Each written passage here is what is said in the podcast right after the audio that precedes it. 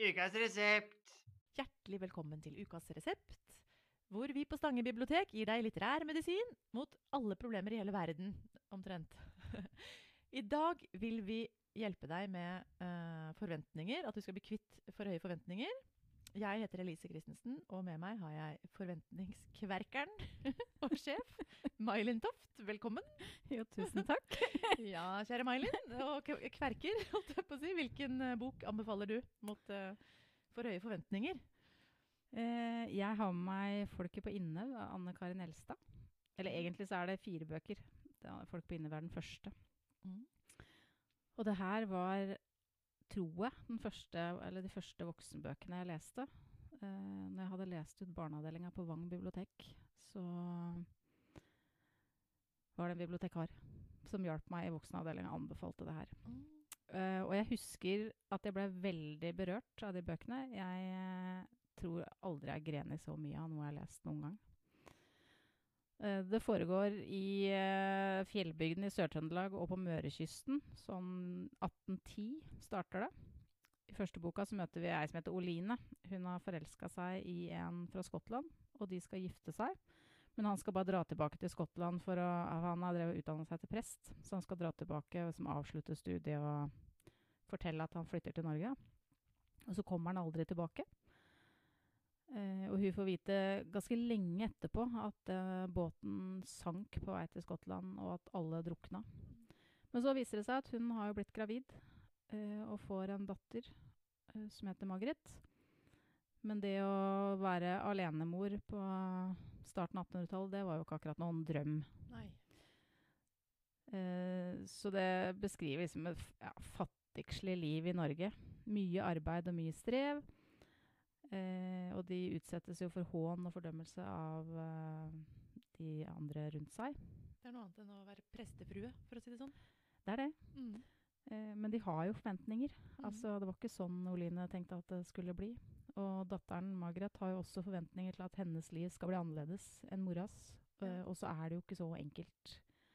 Litt mindre færre muligheter enn det vi har i dag, f.eks. Mm.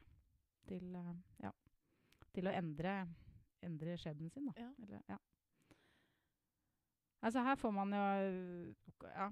Ja. Du får uh, virkelig jorda. du ble dratt ned på jordet her, altså. Så fram med lommetørkleet, Ja. og les 'Folket på Innhaug'. Så bra. Tusen takk, May-Linn. Jo. Eh, jeg har lest Gustav Flauberts 'Madame Bovary', en klassiker, igjen.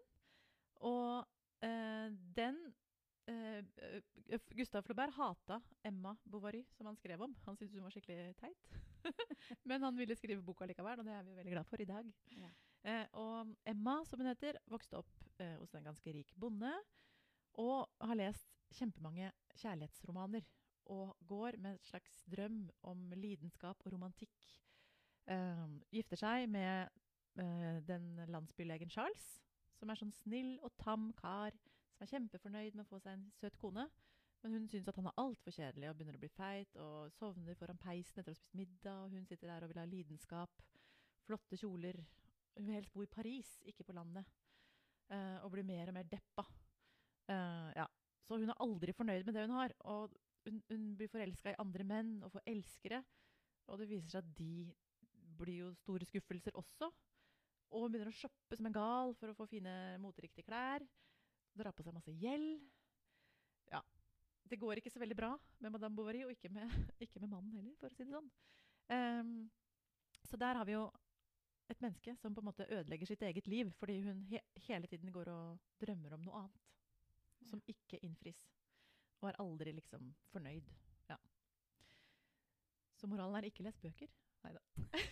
da får du for mange griller i huet. Ja, så kan du lese det som vi eh, anbefaler her, da. For da du kan lese bøker, men kanskje ikke tenke at du skal oppleve alt det fine som skjer selv. Men ja.